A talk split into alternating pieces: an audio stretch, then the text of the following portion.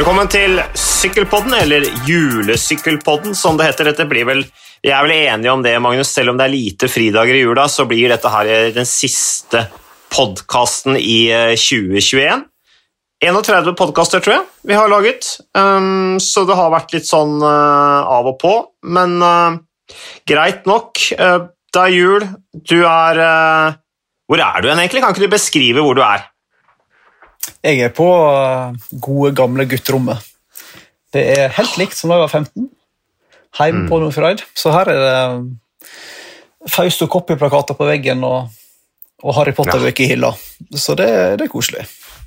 Ja, for du sitter altså da bak, eller foran, et svært svær, svær, bilde av Fausto Coppi på en eller annen alpeetappe i Tour de France, er det vel? Stemmer det. Sestrier 250. Og det, denne plakaten den hang du opp når du var 15, eller? Ja, et eller annet sånt. Konfirmasjon, da, sikkert. Ja. ja. Stilig bilde. Det er det, altså. Så uh, Men uh, hva er det av nyheter i det siste, Magnus? I denne podkasten har vi jo bl.a. et intervju av Odd Christian Eiking, så vi får prøve å ikke glemme å spille inn det. Og så må vi ta litt av nyheter, for det er jo faktisk en del som skjer på nyhetsfronten, Magnus. Uh, blant annet så har jo Primoz Roglic forlenget avtalen sin med Jumbo Visma ut 2025. Uh, og jeg kan jo erindre noen rykter som gikk under Tour de France i år, om at de var litt sånn kjølige til å forlenge avtalen med Primoz Roglic fordi at han var på en måte ikke riktig nasjon. Han er jo dyr, han tar en del plass, han er jo veldig god, men det var dette her at han ikke er nederlender, som jeg hørte i hvert fall rykter om at skal da ha gjort at de har vært litt sånn vært litt tøffe forhandlinger. Hva, har du, har du, hørte du de samme ryktene? Eh, ja, det ble snakka litt om i Når var det? da? Var det Tour de France eller var det VM på sykkel kanskje, i september? At uh, hans profil ikke nødvendigvis var det Jumbo Visma var ute etter. Så kan du spørre hva profil betyr, da. Um, men det var tydeligvis bare bullshit. Så det er ikke alltid den der ryktemølla i sykkelsporten er helt pålitelig. Så, Hvor kommer det fra, disse ryktene? Nei, Det er jo fra sånne som oss, da. Ja. det er jo såpass Ja. enkelt. Da. Minste lille antydning, så spinner vi på det. Det er lager Det er, det er. Det er jo, slags, ja, det er jo teorier. Konspirasjonsteorier. Men det var jo liksom i forbindelse med det at uh, Roglic kanskje var på vei ut, at det var snakk om at um, Dumoulin skulle til Bike Exchange fra og med 2023. Fordi de ikke klarer å finne en felles måte å jobbe på. Uh, angivelig, da, ifølge nederlandsk media, der han visstnok krever litt for stor grad av um, selvstende, autonomi, mens laget vil at han skal være med litt mer i, i uh, laget sin. sine soldat. ja, litt mer på deres treningsleirer etter deres sin, um, uh, plan. Da. Men um, Roglic ut 2025. Det betyr vel at Roglic, Bernal, Pogacar og Evenepool, de fire si, store, alle er bundet til et lag til midten av 2020-tallet. Stemmer ikke det?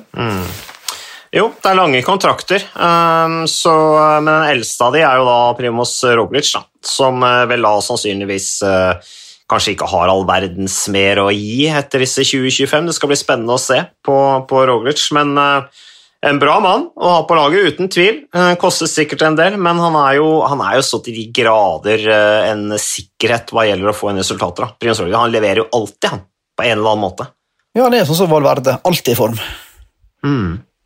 Så det må vi bare gratulere Jumbo Visma med. Eh, apropos, vi var inne, du var inne på Bernal der, eh, Magnus. Eh, han også er jo litt nyheter rundt nå, fordi han, eh, han skal jo satse på Tour de France. Det er jo det eneste Ineos har. Det er jo Bernal som kan utfordre Pogasjar og Primoz Roglic.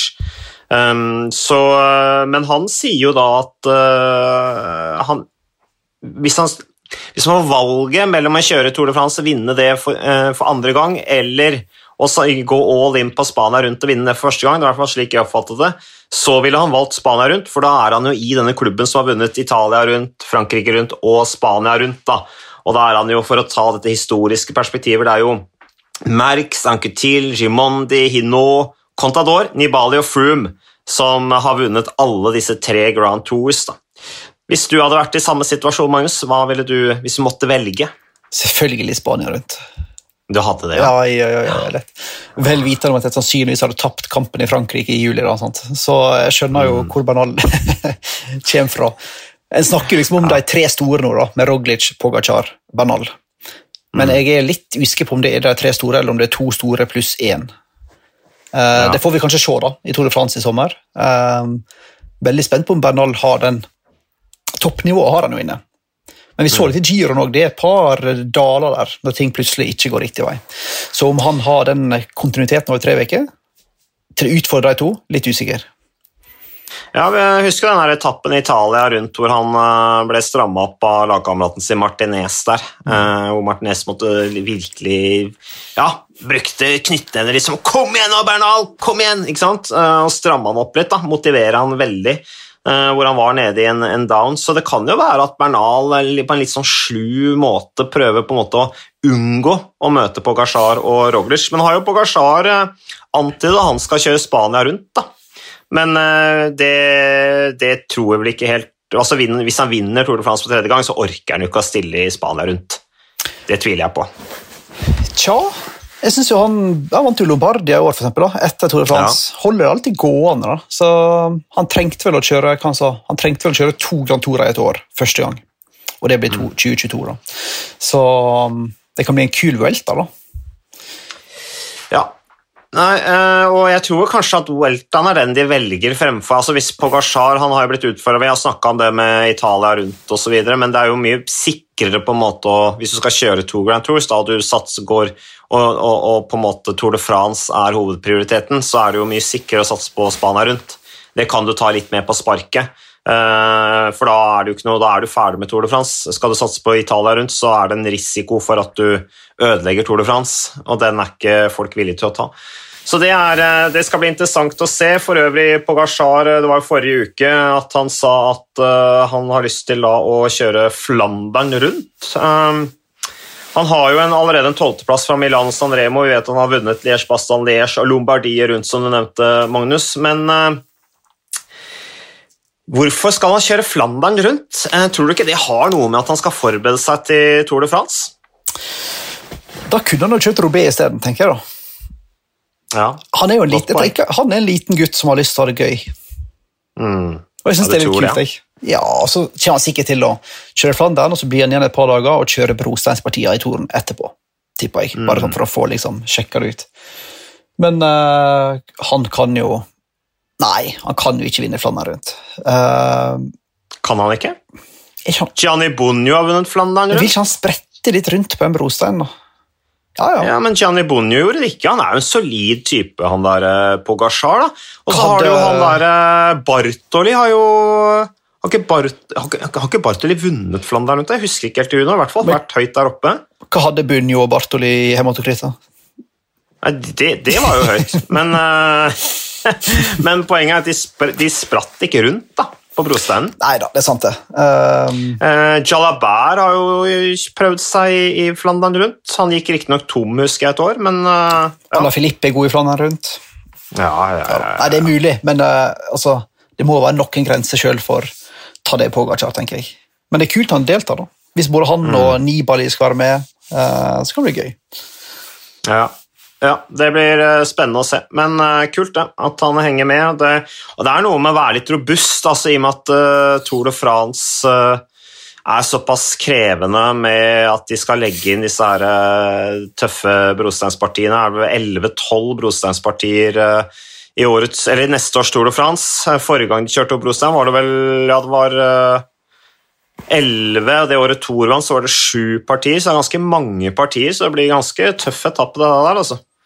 Men apropos Tour de France, var ikke du på en sånn her um, uh, Love Weekend slash uh, rutegjennomgang i København her nylig? Nei, jeg var ikke på noe Love weekend. Jeg var på studietur av Tour de France-løpet og hadde med meg sekretæren min. Ja, ok, sånn, ja. ja. ja altså kona.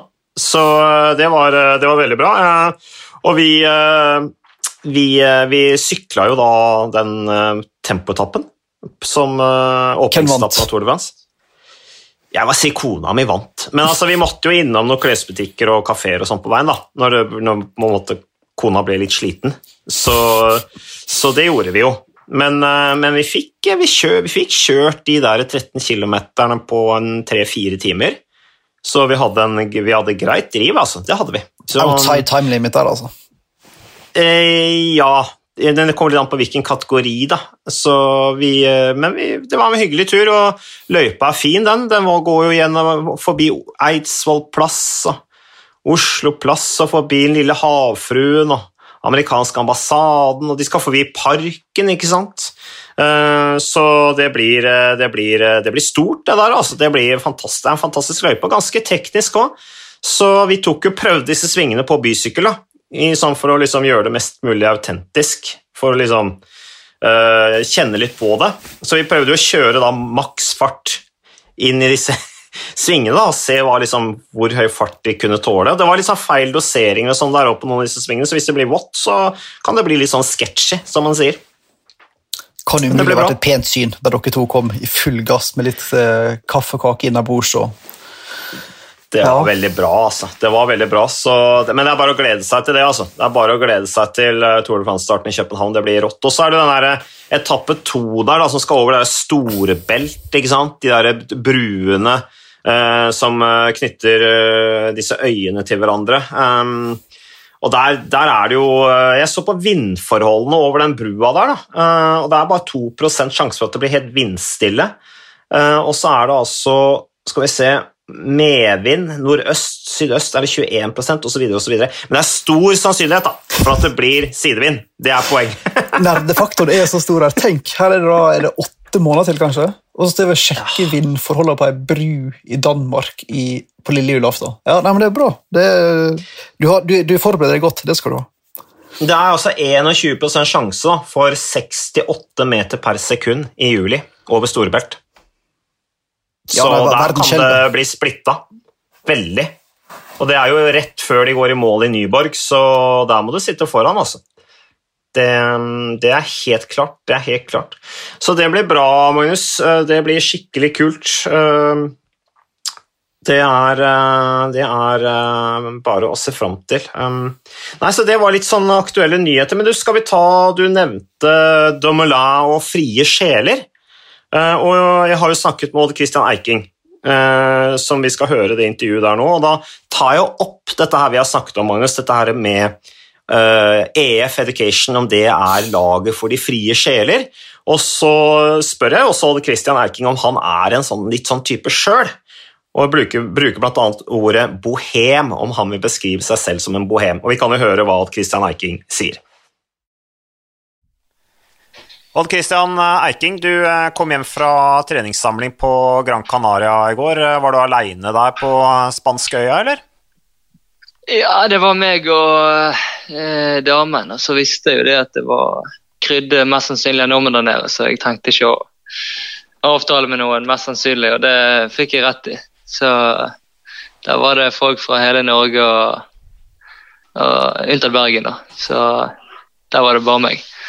Nei da, men det, jeg var der alene på treningsleir, så Men det var veldig vellykket, det.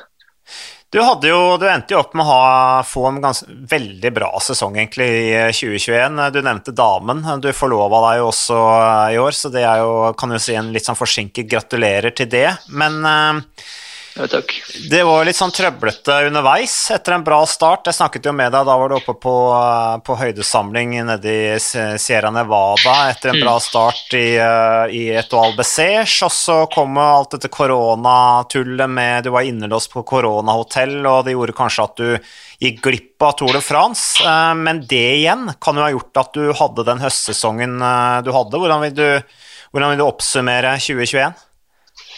Nei, du sa det jo egentlig sånn som det var nå. Eh, det var en god start, og så var det en Hvis du ser på resultatene, så var ikke det så gale eh, vår, men det var på en måte såpass ille at eh, jeg ikke klarte å yte mitt maksimale hele våren. Så det ble sånn midt på listen. Listefyll hele, hele veien da, våren, helt til eh, korona, fikk en liten koronapause i, i, mai, og da, etter den så løsnet det jo veldig. da. Mm, tror du det var fordi at du rett og slett fikk en sånn ufrivillig hvilepause, og da sluppet deg så langt ned at formtoppen virkelig slo ut? Hva tenker du kan være årsaken? Ja, ja, jeg tror egentlig Det er jo veldig typisk at Spesielt kanskje typisk norsk. Sånn, du skulle tenke på sånn norsk treningskultur med, fra skigåing og ja, friidrett, jeg vet ikke. Mange andre sporter, sykkel òg sikkert. Så er det liksom trening eh, er likhetstegn med eh, prestasjon. Sant? Og det er jo ikke alltid det som er tilfellet. Du skal jo det er mange som uh, glemmer det at det er jo hvilen som gjør at de faktisk blir bedre. Mm. Tilpasset til den treningen de har gjort. Og uh, Ofte så er det jo Man ser jo en haug av eksempler på folk som kommer tilbake fra skade, eh, mild sykdom, og så presterer de bedre enn noen gang. Um, og det var jo jeg et, et tilfelle av òg, da. Mm. Ja, for du jobba jo hardt da, med høydetrening og satsa som bare det. og husker vi snakket om uh, Tour de France at du skulle rett videre til OL. ikke sant? Alt det der ble ingenting uh, av, men uh, samtidig så kan jo det nettopp kanskje være årsak til at du fikk en såpass bra høstsesong som det du gjorde, med bl.a. sjuendeplass i San Sebastian og andreplass i Arctic Race og den her flotte Spania rundt med én uke i ledertrøya. Når var det dette med EF Education Når ble den kontakten opprettet? jeg hørte det var, det var Eh, via manageren min så hørte jeg at det var interesse allerede etter eller underveis i Arctic Race etter, det var vel etter San Sebastian. Eh, hvor eh, manageren min, da, Jona Laukan, hadde sendt en melding til Jonathan Waters og sagt at uh, følg med på følg med på Eiking nå, nå, nå, til helgen. Han kommer til å vinne. Så det var litt kjipt at ikke det skjedde, da. Men det ble i hvert fall veldig close. Du kommer nesten ikke nærmere. Sånn. Så da fikk jo han uh, Waters òg øynene opp litt mer, og så bekreftet det jo den gode formen i, i Vuelta, Og da var de jo de, uh, sammen med flere andre lag, veldig interessert, selvfølgelig. Så da uh, Ja. Sånn var det. Ja, nei, Vi husker jo uh, Wouters hadde noen twittermeldinger underveis der, litt sånn halvkryptiske, som jo mange tolket uh, retning av at han var interessert i å signere deg, eh, Odd Christian. Så, men uh, du, hva, hva, er inntrykket ditt liksom, av EF Education? hva er det du ser mest frem til? Er det, er det noen ryttere der du ser ekstra frem til å sykle sammen med? Ja, altså jeg har jo allerede fått et eh, Det er jo annerledes enn det jeg har vært vant tidligere. Så nå har jeg vært hele karrieren på fransk og belgisk lag, hvor det er veldig sånn uh, Sykkel har veldig mye historie og, og så videre. Sant? Så kommer det nå til et amerikansk lag hvor det for så vidt er ganske mye moderne historie, men de er veldig innovative sammenlignet med belgisere. da. Og det ser jeg veldig tydelig at uh, det er litt mer uh, planlegging og uh, detaljene er litt mer i fokus enn det jeg har vært vant til tidligere. Men nå har jo jeg kun så vidt fått smake på, på hvordan det er i laget, da. så jeg er jo veldig spent på hvordan det blir til neste år. Vi, eh, Sammen med Magnus Orre så har vi jo snakket litt om både deg, selvfølgelig, eh, i og med at du er en personlighet i, i, i norsk sykkelsport som, som, gjør det bra, men også laget til Jonathan Walters. Vi har snakket en del om Jonathan Walters. Eh, er det feil når vi beskriver EF Education som de frie sjelers lag? Uh, uh, nei, det er jo altså utad òg, så syns jeg det virker veldig sånn, sånn ja, Jeg vet ikke hva ordet skal bruke, men folk har sett folk bruke ordet bohemt og ja, sånne ord. sant? Men uh, det er jo mest sikkert pga. at de har et par typer som er litt sånn uh, glad i sånn gravel, uh, mm. sykling og ja, sånn Leckland Morten som gjorde denne Tour de France på egen hånd, holdt på å si. og så, ja, De har en del sånne typer, da, men jeg har egentlig helt, en helt annen oppfatning når jeg uh, fikk, uh, fikk, en fot innenfor nå. Uh, hvor detaljer og utstyr og alt sånn som Sånn som det er på en måte veldig prioritert. Sånn. Så, så, egentlig så føler jeg Wanty var mer altså, fritt i den forstand enn en EF. da. Men jeg får se til neste. Jeg håper jo at det er litt fritt. Det liker jeg. Ja, for det, det var jo også snakket om, uh, Ole Kristian. Uh, med glimt i øyet, selvfølgelig, ikke noe vondt. Uh, men vi har også beskrevet deg som en litt sånn fri sjel, en bohem. kjenner du deg igjen i det? Ja, jeg Altså, hvis min mor får høre at jeg er bohem, da blir hun forbanna. Ja. det, altså det, jeg vet ikke om jeg kan si at jeg, jeg vet ikke om jeg kan si at jeg er bohem, sant? sånn at jeg skal bli arveløs, men uh, for, altså for å unngå å bli arveløs. Men uh, fri sjel er det kanskje mange som altså Jeg liker ikke å ha for mange håndjern på meg, da, for å si det sånn. Nei, du uh, Men det er opplagt at Lauka kanskje tenkte at du passer godt inn i EF Education. Har du snakka noe med han om akkurat hvorfor han tok kontakt med EF Education, eller? Ja, de har, vært, de har faktisk vært litt interessert tidligere òg forrige gang jeg skrev kontrakt. Så, um, så de har liksom fulgt med meg uh, hele tiden nå, da. Så, nei, så var det Jeg hadde jo selvfølgelig noen andre uh, alternativer, men uh, for meg så var det egentlig uh, liten tvil om at det var EF som var mest uh, interessant med tanke på ja, altså, kultur i laget. Eh, og så ville jeg jo litt vekk ifra det. Prøve noe nytt det belgiske og det franske. Mm. Mm. Men uh, jeg regner med at ett av alternativene var å fortsette i Vanti, uh, særlig etter uh, den flotte høstsesongen du hadde. Men det var aldri sånn at det frista litt å bli værende, i og med at det plutselig kommer dumpende inn to nordmenn ekstra, og det var jo også snakk om at de prøvde å signere Søren Wernskjold? Ja da, nei altså det hadde jo vært helt fantastisk å være lagkamerat med Sven og Alex. Eh, men eh, Det så jo så lenge sånn ut òg, men så var det uh, ja, litt sånn uh, Det gikk litt sakte da med, med, med, laget, og så var det mye flotte tilbud som, som, kom inn utenfra òg. Sånn, så det var jo det, jeg har jo som, som, jeg har sagt tidligere hatt veldig, fire veldig gode år i, Wanty, og nå løsnet det jo veldig på slutten. her. Så, så jeg skal ikke se bort fra at jeg eh, kunne fortsette å utvikle meg i, i Wanty, men uh, jeg tror at uh, jeg har tatt et uh, riktig valg med EF. Men det får tiden vise. Men du som kjenner Wanty bra, mitt inntrykk er at det er et lag som girer opp litt. Du har beskrevet det litt sånn, og sånn er min oppfatning også av Wanty, at det er ganske konservativt og litt sånn old school. Men at de nå med større budsjett og større krav også fra Rytter som skal inn der, og dette med ut altså prestasjonsutvikling og de tingene der, at det også er et lag som kanskje dreier mer i den eh, retningen? Er det noen, har du noen råd til Odd Christian, nei, mener til, til Svein Erik og, og Aleksander eh, som er på vei inn der rundt det? Ja, nei, altså, De er jo ikke bekymret for det hele tatt, for de har et såpass godt apparat her hjemme eller nede i Stavanger. At uh, de, For de er det sikkert egentlig bare bra. De møter mindre hindringer. Uh, Uh, og mm. meninger fra laget sitt sin side uh, som kanskje bare gjør ting vanskeligere for dem. Så jeg tror egentlig at uh, Wanty er midt i blinken for dem. Mm, ja. Jeg kan også tenke meg det, at du får ganske mye frihet til å gjøre litt som du, du vil der også. Men Kristian, tilbake til 2022, som jo nærmer seg med stømskritt. Har du fått, Hva vet du om rittprogrammet eller planene dine for, for året som kommer?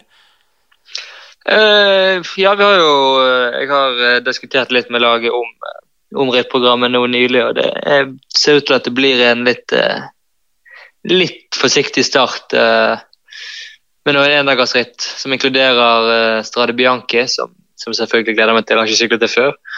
Og så er det Catalonia og Baskaland før Adane, altså bare Flash og Liège og giroen, som da blir uh, ja, vårsesongen.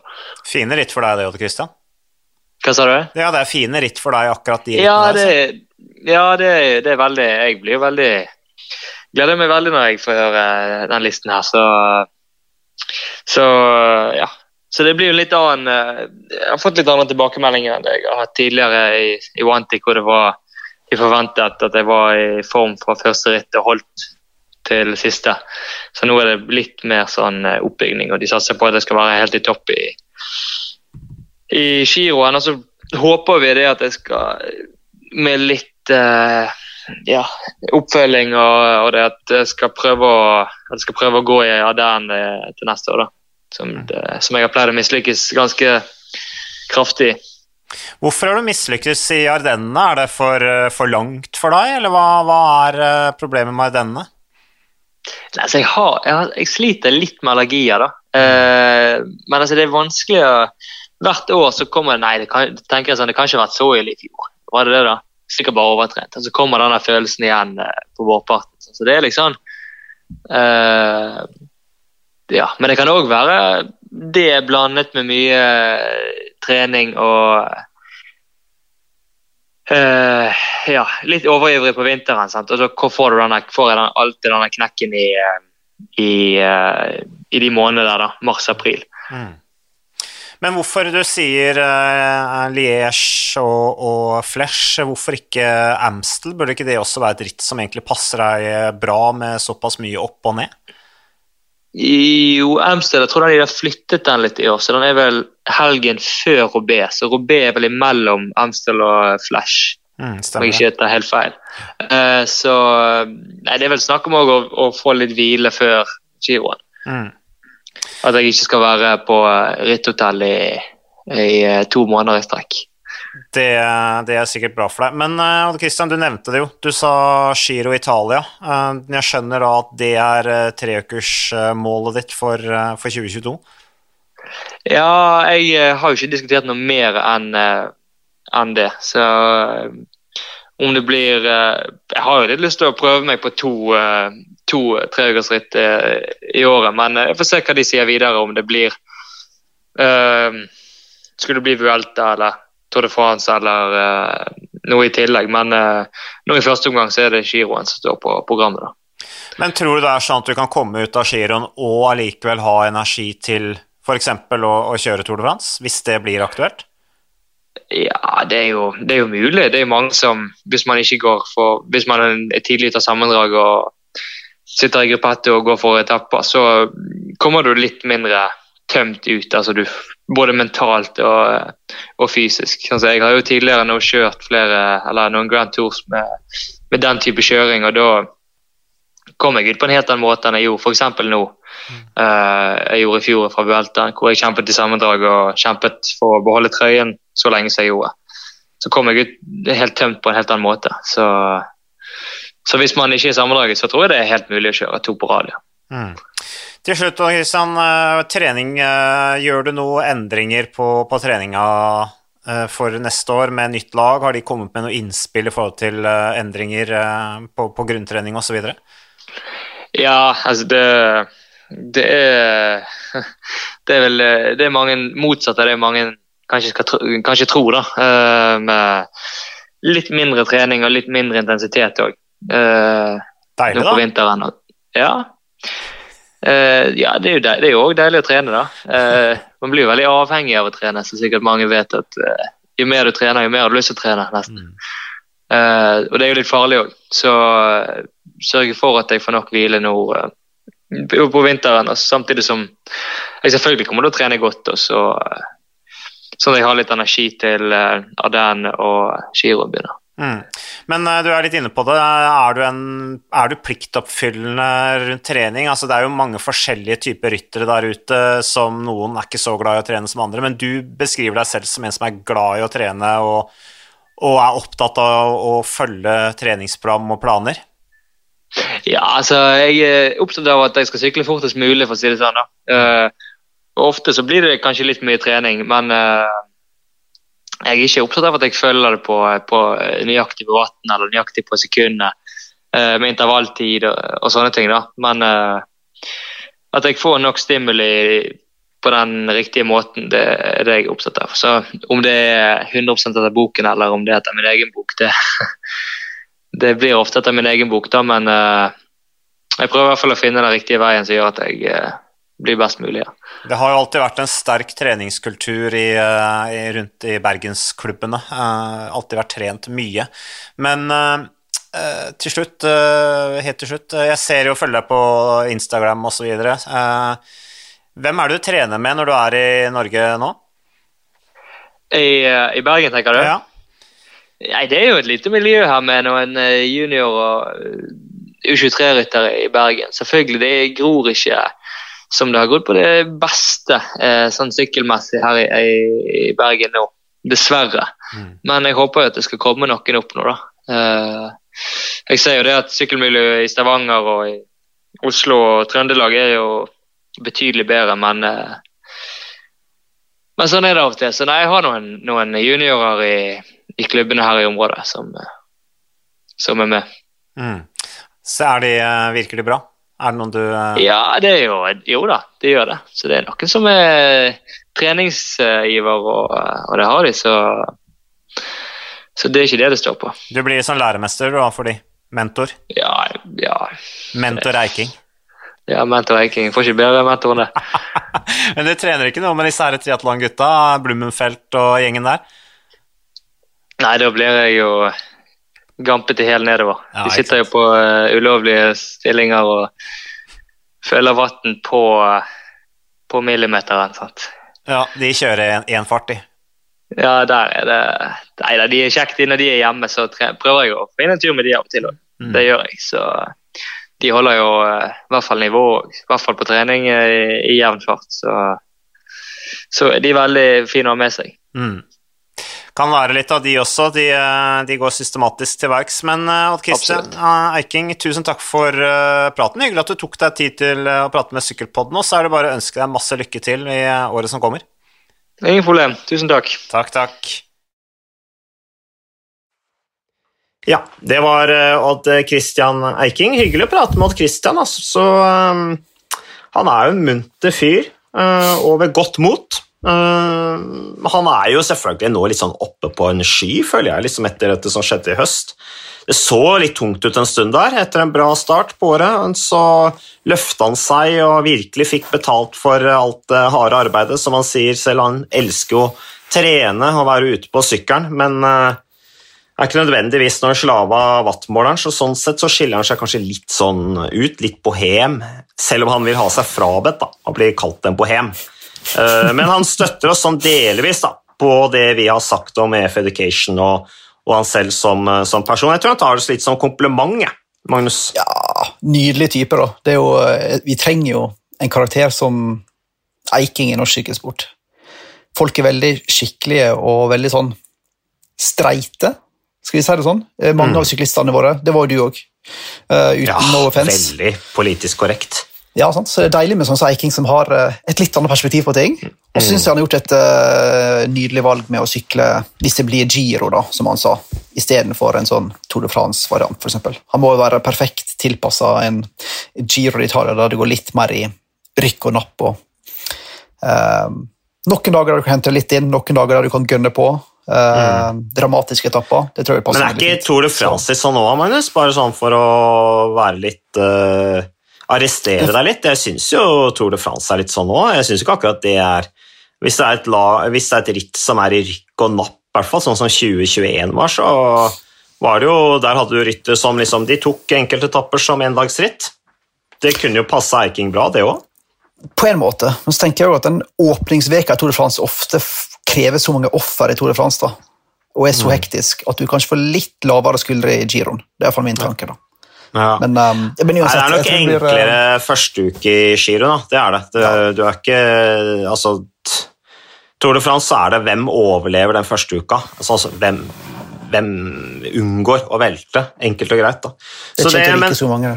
Ja, det kommer til å ryke mange, det gjør det. altså. Ellers, eh, Vi snakka om Sondre Peder Christensen eh, Magnus, eh, på forrige podkast, som skulle prøve seg på Eller ikke prøve seg på den norske timesrekorden, for den var jo aldri stått før. Men han har da satt standarden på 43,8 km på en time. Og det viser jo bare at Kampenart, Victor Kampenart syklet ganske fort når han syklet eh, sin timesrekord på 55 km i timen. Og så kan man jo også legge til at Chris Boardman er jo den som har syklet lengst. Han syklet over 56 km i timen, men det var jo da med en ikke godkjent sittestilling, så den, eh, den står ikke. Og så har da Filippo Ganna, um, vår venn fra Italia i Team Ineos, som jo allerede har to verdensrekorder på bane på forfølgelse for lag og individuell 4000 meter, han uh, har jo også nå sagt at han vil ta rekorden, da timesrekorden, men, men det skal gjøres på havnivå. Han liksom sier nei, Skal ikke gjøre dette i høyden. Det vil han ha seg frabedt. Liksom. Skikkelige mestere de gjør det på havnivå. Det vil gjøre at han føler at den rekorden på en måte er mye sterkere. da. Enig i det, eller? Det er på havnivå det skjer. Ja, jeg syns det. Ja. Jeg syns det. Jeg syns det. Mm. Så det Men han kommer til å sette en rekord som kommer til å stå i Han kommer til å ødelegge rekorden igjen. Han kommer til å, stå i 20 år. Uh, Seks, 60 km i 60 km eller noe. ja, fort det. Men jeg tenkte bare jeg skulle dvele bitte litt med det laget til Eiking. Ja, du er ikke ferdig Hvis ferdig vi har med tid til det det på lille, lille julaften. Det har vi. Det er jo et perfekt lag for han på mange måter. Det tror jeg alle er enige om. Mm. Um, men de har jo henta en fyr som heter Mark Padun. Ja. Uh, og Det er jo en, en av de store snakkisene de siste dagene i, alle fall, i uh, sosiale medier og i sykkelsporten. Han ga jo, han Voters, sjefen i EF, ga et intervju til um, Cycling News Mm. om uh, prosessen med å hente Mark Padun til EF. Leste du, eller? Nei, jeg har bare lagra artikkelen til lesing. Den er veldig interessant, så den bør folk lese. Men da sier han blant annet, da, Hovedpoenget mitt er at han forteller veldig åpent om at han gikk inn og sjekka eh, ikke bare blodpasset som sådan, men de min, inn de minste detaljene for å være på den trygge sida. Mm. Både offscore og retikulocytter og alt det heter. Eh, men så sa han at forklaringa bak denne Dauphiné, eh, denne litt ekstreme Dauphiné-prestasjonen, han vant to fjelletapper på rad, Mm. var Hør på det, da. Det var visstnok fordi at Padun eh, fikk beskjed om å droppe karbohydrater, eh, for han var for feit. Mm. Trente i høgden i to måneder på en proteindiett. Mhm. Følte seg elendig hver dag. Kom ned til Dauphiné tre-fire dager før eller kom ned i lavlandet tre-fire dager før rittstart. Mm. Spiste masse ris og spagetti, Ja. og fløy. ja, for han fikk superkompensasjon all karbohydraten. Mm. Og i tillegg Eh. komme i lavlandet. Mm. Så han sa det at var- følte seg to måneder dritt. Tok av ja, i hvert fall 6-7 kilo, vil jeg tro. Han varierer jo veldig mellom en sånn 65-66 kilo matchvekt og 75 plutselig. Men at det faktisk er ernæringa som gjør at Padun er så opp og ned, og ikke som mange eh, kanskje tenker, eh, doping eller andre ting da, som eh, plutselig gjør at han er veldig god. Men så ser jeg òg at folk, folk da latterliggjør denne forklaringa, selvfølgelig. Ja, det I alltid... vår tidsalder så er det jo, Ja. vil alltid være folk som gjør det. sant? Ja. Uh, jeg vet ikke hva du tenker. jeg. Går det an å spise seg til form, eller? Ja, eller ikke spise tenk- seg til form? Jeg, jeg tenker at det kan være en uh, forklaring. ja. Uh, jeg husker jo Tor Hushovd også, uten sammenligning for øvrig, men uh, Tor Usov, da han ble sju i, uh, i OL-tempoen i, i, i Sydney i 2000, så var det også en sensasjon. Um, da fløy Tor, og da la han jo også veldig om kostholdet rett i forkant der, for da kom han ned til den norske troppen og fikk en helt annet fôr eh, enn det han pleide å få. Altså mer eh, karbohydrater, mer brød, eh, og, og fikk tilbake kreftene.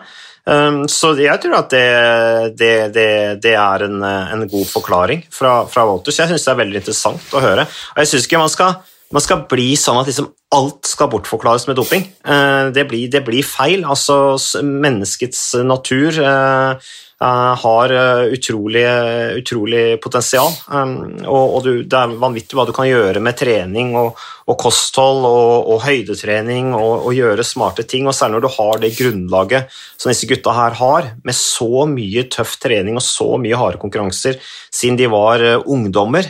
eh, Så, så er det klart, da, da, da kan de få til vanvittige ting.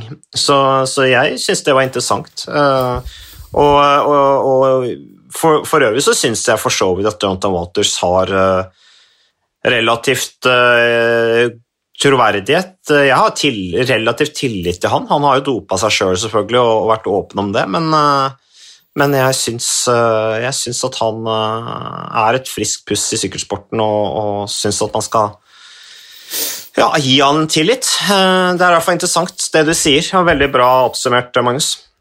Det er så veldig interessant, for at Han gikk veldig i detalj på blodpasset til Padun.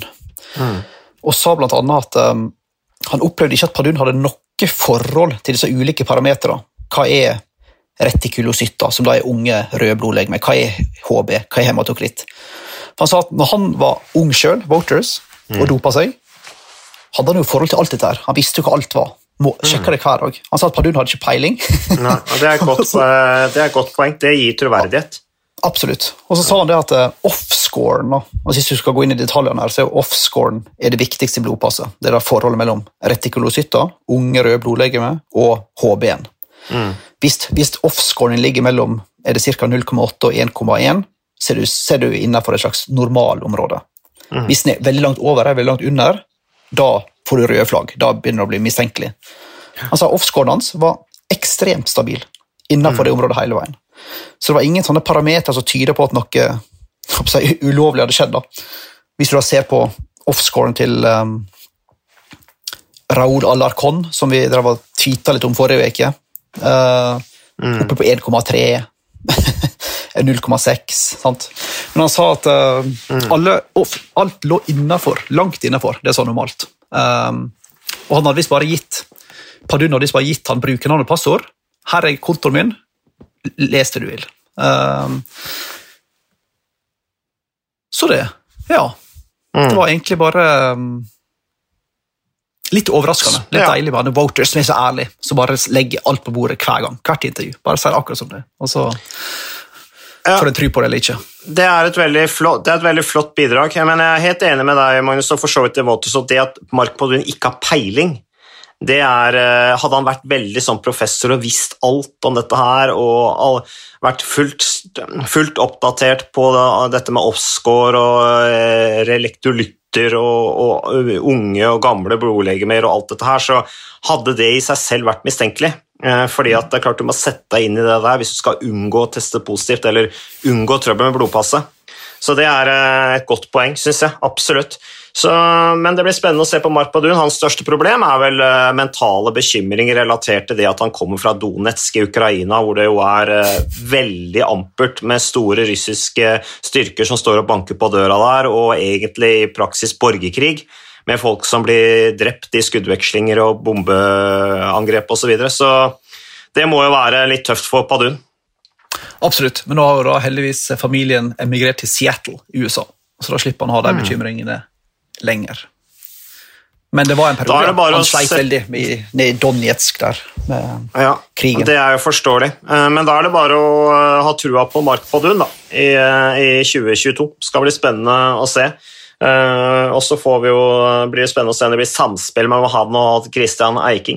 Ellers er vi jo bare litt inne på bane, og så får vi være litt lokale synes jeg, på Sykkelpodden, Magnus, uh, i og med at vi har tid til det. Uh, Monica Storhaug Bernhoft hun syklet også neste altså Hun sykla 413,77 km på 12 timer med 38 km i timen i snitt. 917 runder på Solavelodromen nylig. Satte sju verdensrekorder. Det er eh, flott gjort av Monica. Eh, tøft, eh, artig. Det må vi Eh. Kult at hun gjør det, og kult det må vi hylle.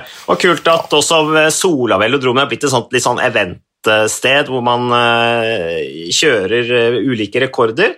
Eh, så da skal det bli spennende å se hvor lenge den blir stående. Uh, Lawrence de Pluss, eh, 26 år, han, eh, apropos mentale utfordringer, Magnus, eh, han eh, åpner opp i et eh, annet intervju om at han har vært veldig utbrent. Mentalt i kjelleren. eh, har bare ville være for seg selv. Han, han reiste til foreldrene sine, låste seg omtrent inne, ville ikke svare på tekstmeldinger, bare skydde all form for kontakt med omverdenen. Han var helt ferdig. Han har jo ikke konkurrert for Injo siden Baskeland rundt i april. Og, og, og grunnen til det skal være et virus da, eh, som har gjort at han ikke har funnet formen, og det har vært en stor mental belastning. Men han skryter veldig av eh, oppfølgingen han får fra Ineos, og sier at det er ingen lag i verden som tar bedre vare på egne ryttere enn det Ineos gjør, sier han. Så det skal bli spennende å se om Lorentz de Pluss kommer tilbake. Han kommer fra Jumbo Visma, uh, sier at han vil starte opp i mindre etapperytt. Uh, og uh, og at han eh, fungerer best, også når han har litt mindre press på seg. Så det kan jo være at han kommer tilbake da når folk kanskje har avskrevet han. Um, Jasper Stoiven, 29 år gammel har han blitt. Han uh, vant jo Milano San Remo i år. Han har Pariro B som sitt høyeste mål i 2022. Uh, men han, det er litt interessant, Magnus, for han sier at han håper på en tørr utgave. Fordi den erfaringen han hadde med den våte utgaven i år, det var, bare, det var så annerledes, sier han, at det har ikke noe overføringsverdi til et tørt Paris-Roubais altså Det var så annerledes ritt at det kan på en måte ikke sammenlignes å kjøre en våt utgave kontra en, en tørr. Så han sier at han vil gjerne vinne Paris-Roubais, men at Paris-Roubais på tørt føre er et helt annet Paris-Roubais enn på vått føre. Kanskje burde vi innføre det? at liksom, Du har Paris-Roubais på vått, og så har du Paris-Roubais på tørt. Det bør kanskje stå i historiebøkene. ja, det kunne du. Eventuelt ha ett hvert år. da. En våt og en tørr utgave. Så kan folk stille opp i det de vil. Ja, og Hvis det ikke blir vått, så må man bare kjøre sånn der vannet, vanne... Altså vanne rett og slett brostein, da. Ja. Enkelt og greit. Spyle. Enkelt og greit. Det trenger ikke å være verre enn det. Så ja, jeg vet ikke hva mer vi skal si. Eh, Remco Evenepool var litt inne på Spania rundt, og Egan Bernal som uh, ville vinne Spania rundt for å vinne alle de tre. Han, han skal visstnok satse på Spania rundt da, i 2022. Det blir ikke noe Tour de France på han. Um, og han uh, sier jo at rittet passer er Patrick Lefebvre da, sier at rittet passer uh, Evenepool veldig bra, men at det ikke er sånn bestemt hvilken rolle han skal ha. Men vi må jo e, vi må vel Vi har jo litt trua på Remco Evenepool som en, en fremtidig etapperytter, Magnus. Det er jo liksom det som er hans skjebne, er det ikke det? Absolutt. Som fremtidig etapperytter og upopulær mann i Belgia. Jeg føler han havner i krangel, i krangel, med om det er Wout van Ert eller Eddie Merckx eller uh, noen andre hele tida. Uh, han uh, er litt enstøing som klarer å havne litt masse i trøbbel.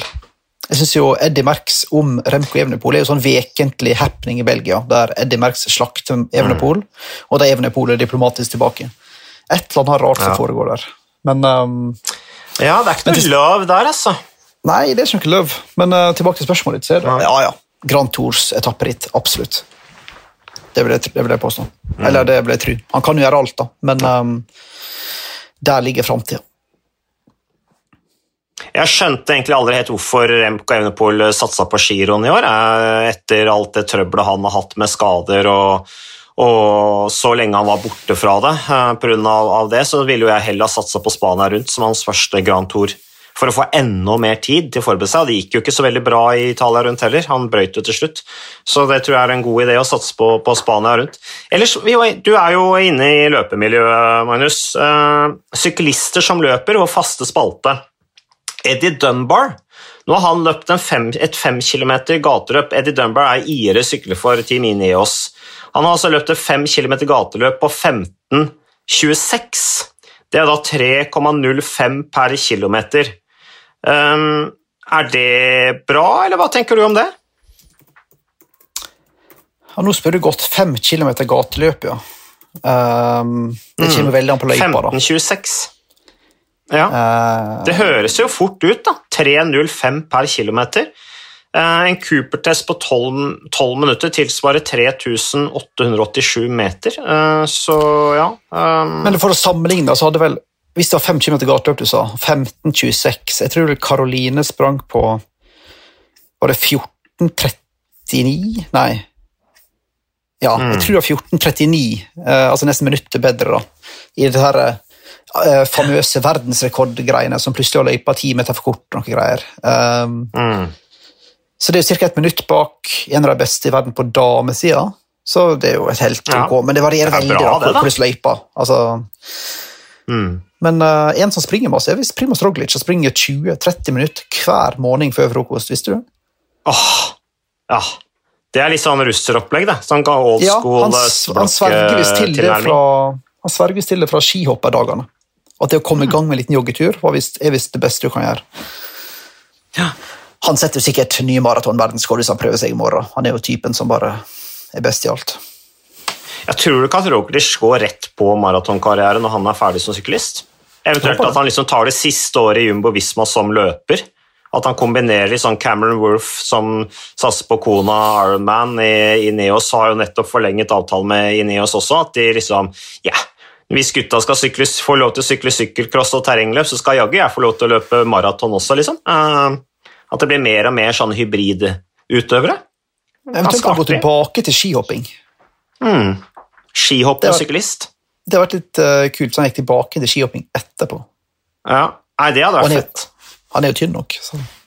Ja, han har det jo sikkert i seg, og han er jo sikkert sterkere i beina nå, så ut av liksom satsen på hoppkanten eh, fly altså, Over kuren der så svever han jo sikkert noe helt enormt. og han har jo dette i seg. Han kunne jo sikkert gjort et hopp liksom uten problemer. Det Frykten vil jeg tro ikke er noe problem for Primoz Roglic.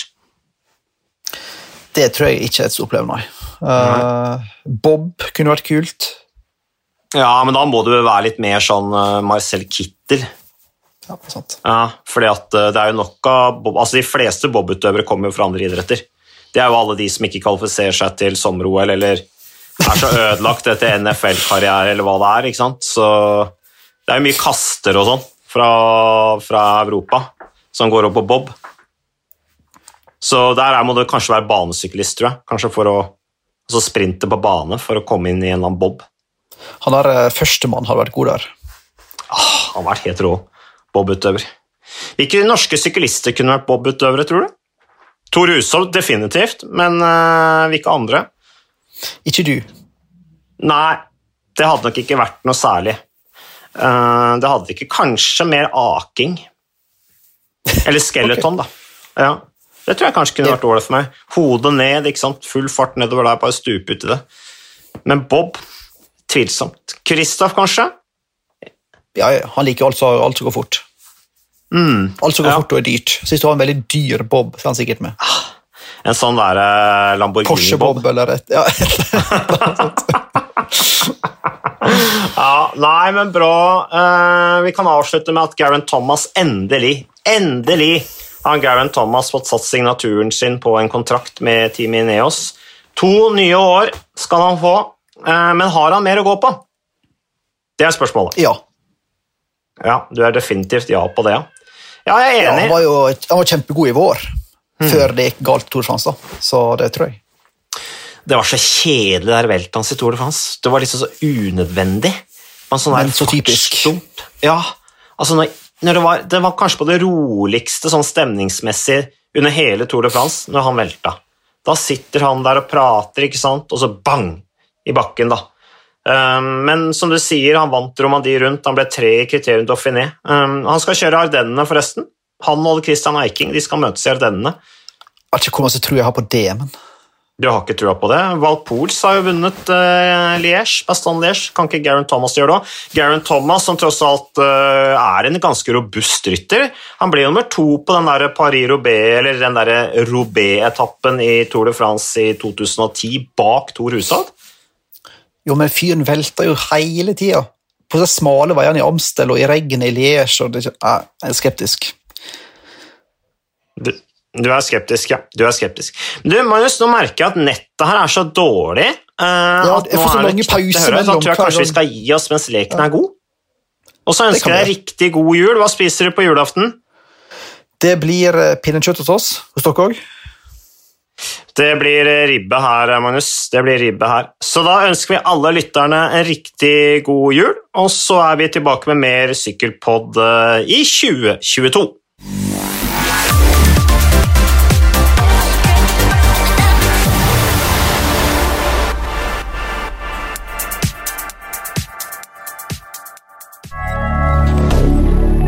Moderne media.